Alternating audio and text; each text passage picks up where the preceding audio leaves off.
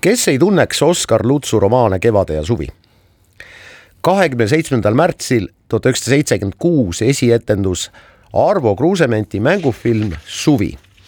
peategelasteks loomulikult Joosep Toots Raja Teele ja Arno Tali, Henrich Georg Aadniel Kiir, muidugi Kristjan Lible ja paljud teised filmis mängisid eestlaste jaoks armastatud näitlejad Aare Laanemets, Riina Hein, Margus Lepp, Ain Lutsepp, Kaljo Kiisk ja mitmed teised. hea meel on helistada filmimees Jaak Lõhmusele, tere Jaak! tere, tere! no tuleb tunnistada, et sellest triloogiast Kevade suvi ja sügis on kahtlemata suvi vast kõige nauditavam, kõige säravam nii-öelda ka kunstiliselt vaadata film. mitte ainult sellepärast, et mitte sellepärast, et ta ainult värviline on, vaid ka sellepärast, et näitlejad on oma parimas vormis, nad on noh, sellised küpsed, ehkki nad vist ei olnud veel lavakunstikooli kaugeltki lõpetanud. ja kuidagi selline väga hea käsikiri loomulikult Paul-Eerik Rummalt, kus ta siis pani kokku nii suve kui ka Tootsi pulma, aga kuidagi läbivad süžeed ja, ja no mis sa teed, nalja saab ka ikka päris palju, et selline hea kerge komöödia ja, ja kuidagi sellise hästi helge mulje on jätnud, nii et ütleme, sajandi filmide hulgas oleks mina ta kevadest ettepoole tõstnud. noh, seda võib, edetabelite üle võib ju alati arutada ja pikemaltki, et äh, aga Suvi on tõepoolest väga, väga helge film. me ei saa unustada ka, et, et selle, nende noorte elude näitamine, selle kõrval ta näitab ka noort Eesti Vabariiki mis on just oma esimesi iseseisvusaastaid pärast Vabadussõja lõppu. Noh, õieti või lugu algab küll Tootsi naasmisega Venemaalt, aga seal sellest otseselt juttu ei ole, mis ajal see täpselt toimub. Filmis vähemalt mitte ja, ja aga me saame aru, et see on see, kus talusid hakatakse üles ehitama ja ja, ja Eesti nagu peaks puhkema õitsele nii et see on nende noorte inimeste täiskasvanuks saamise lugu ja teiselt poolt siis meie, meie Eesti, Eesti rahva ja ühiskonna sellise kasvu algus, ütleme nii. Ma siin näitlejate suurepärasele ansamblile viitasin ja karakterrollidena, no Lutsul ongi väga head karakterid välja kirjutatud, aga noh, ütleme noortelt inimestelt seda kätte saada, nii nagu Kruusement seda sai, on ka muidugi omaette kunsttükk no üks kindel pluss on ju see, et ta oli nende, nende osatäitjatega juba tuttav. ta oli ju nendega mitu kuud elanud Palamusel koos, hommikust õhtuni olid nad eh, ninapidi koos, lapsed käisid Palamuse koolis, kui kevadet tehti. nii et ta oli neile nagu teine isa ja ja seal, seal muide käis ka vaidlus, et osa, osa näitlejaid välja vahetada, Lembit Peterson pidi Äh, pidi äh, mingis variandis äh, olema Toots, ta on muide näitlejaproovides väga hea.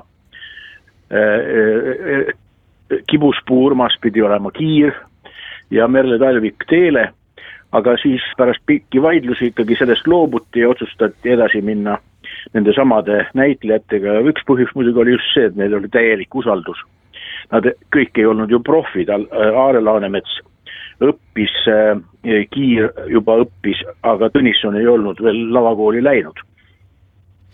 jah, ja, ja, ja, Riina Heinal oli seal ju üks, üks vot et kõige kand-, kandvamaid rolle aga. no selle filmi peategelased on muidugi Toots ja Teele ja Teele võtab Tootsi. just nii on. Jaak, tahtsin sinu käest äh, küsida veel seda, et äh, Eesti ei ole eriline filmimaa, aga oskad sa öelda, kuidas sellest filmist saab kultusfilm, mina julgen küll öelda, et Suvi on kultusfilm kasvõi selles mõttes, et noh, kolm põlvkonda Eesti inimesi on teda vaadanud kas kolm korda, kolmteist korda või vähemalt mingit osa korra.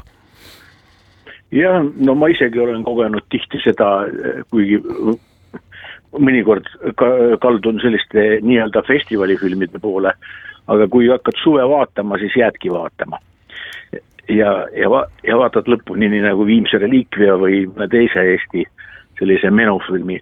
ainult esimesel linastusaastal sa vaatas seda peaaegu pool miljonit Eesti, Eesti, Eesti silmapaari. nii et ja ikka teda vaadatakse muidugi nüüd küll põhiliselt telekas, kui tuleb, aga ma olen jah alati kindlasti on ta kindlasti on ta kuskil äh, digiplatvormidel ka olemas, aga ma ei ole neid eriti uurinud ja surfanud. mind ajas jah äh, ka pikki aastaid alati naerma lapsepõlvest saadik see, et igal vana aasta õhtul näitasid Vene telekanalid, mida me nüüd ei näe, näitasid ühte kindlat filmi. Ljokim Baram, hüva leili. hüva leili aga ma hakkan mõtlema selle suvefilmi nii-öelda sisu peale, seal on mõned siuksed vallatumad kaadrid ja kõik need musitamistseenid ja natukene sinna otsa veel ka. seitsmekümne kuues aasta Tallinn film lasi selle läbi ja millegipärast tuleb mulle meelde, et ka mingid filmid, kus mängis Juri Nikulin kaasa no Tarkovski üks film tuleb meelde, pealkiri jään praegu võlgu.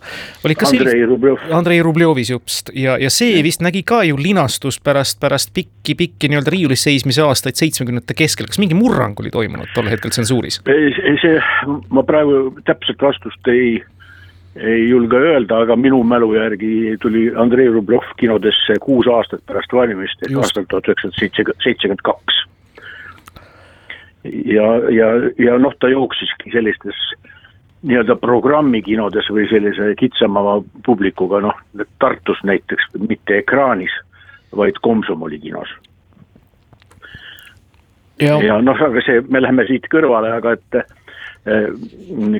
korda küsimust. jah, ma tahtsin küsida, et, et miks just seitsmekümnendate nii-öelda algus ja keskpaik tundus olevat sobiv, et tsensuur mingisugused asjad läbi lasi, mille puhul arvaks, et kuuekümnendatel poleks seda juhtunud, kaasa arvatud seesama suvi, et kevadest saad veel aru, koolilaste film ja nõnda edasi, Eesti kirjandusklassika, aga suve puhul võib-olla oleks mingid kahtlused olnud, kas läheb läbi või mitte?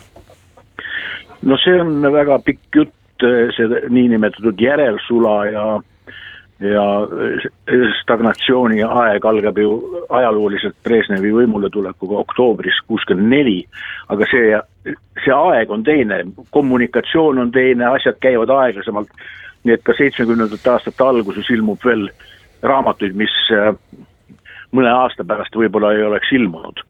ja, ja, ja Kruusementi triloogia noh, käib seda aega läbi, üheksakümne, üheksakümnendal aastal tuleb siis sügis ja, ja, ja, ja talveni jõuti nüüd hoopis teisel aasta, teisest, teiste kirjutajatega ei palju hiljem, kusjuures see on ju kahtlane veel siiamaani, kas see on üldse Oskar Lutsu kirjutatud, see talve. aga meil on nüüd ikkagi sellest samast Paunverest neli filmi. Seda küll ja eks see kuuekümnendate aastate paigutine Sula ja Praha kevad, mis küll toimus tegelikult sügisel, jättis ikkagi mingisuguse lootuse või mingisuguse jälje ka nendele, kes seitsmekümnendatel olid noored ja ja tegid filme ja mängisid filmis nimega Suvi. no kuuekümnendate aastate lõpp Eesti filmis on ikka tõeline kuldaeg. inimesed sõdurisinelis hullumeelsus, enne seda veel Uku, siis tuleb Uku Aru seitsmekümne kolmandal aastal Viimne reliikvia vist nimetasin. ja mis seal kõik on, need on paljud, paljud sellised filmid, mis on, on siiamaani klassika ja vaadatakse, et kas või hull, tudengitega vaatasin hullumeelsust eile. ja see on ikka uskumatu, uskumatu film, et see sündis, muidugi ta pandi riiulile siin seda aga Eesti kinodes ikka näidati. jah, poleks teda, poleks teda riiulile pandud, siis on kaheldud, kas üldse näiteks Jack Nicholsoniga lendas üle käopes oleks üldse nii-öelda tegemiseks läinud või mitte. seda on vähemasti arvatud, aga aitäh teile, filmiloolane Jaak Lõhmus meie saatega liitumast, edu, jõudu ja, ja paneme alla nüüd mängima sellesama tuntud pala. Instrumentaalina, see on siis Leega ja Sõrn kevade, millele kirjutas Paul-Eerik Rummo ka sõna ja tegi sellest Tootsi ja teile pulmalaulu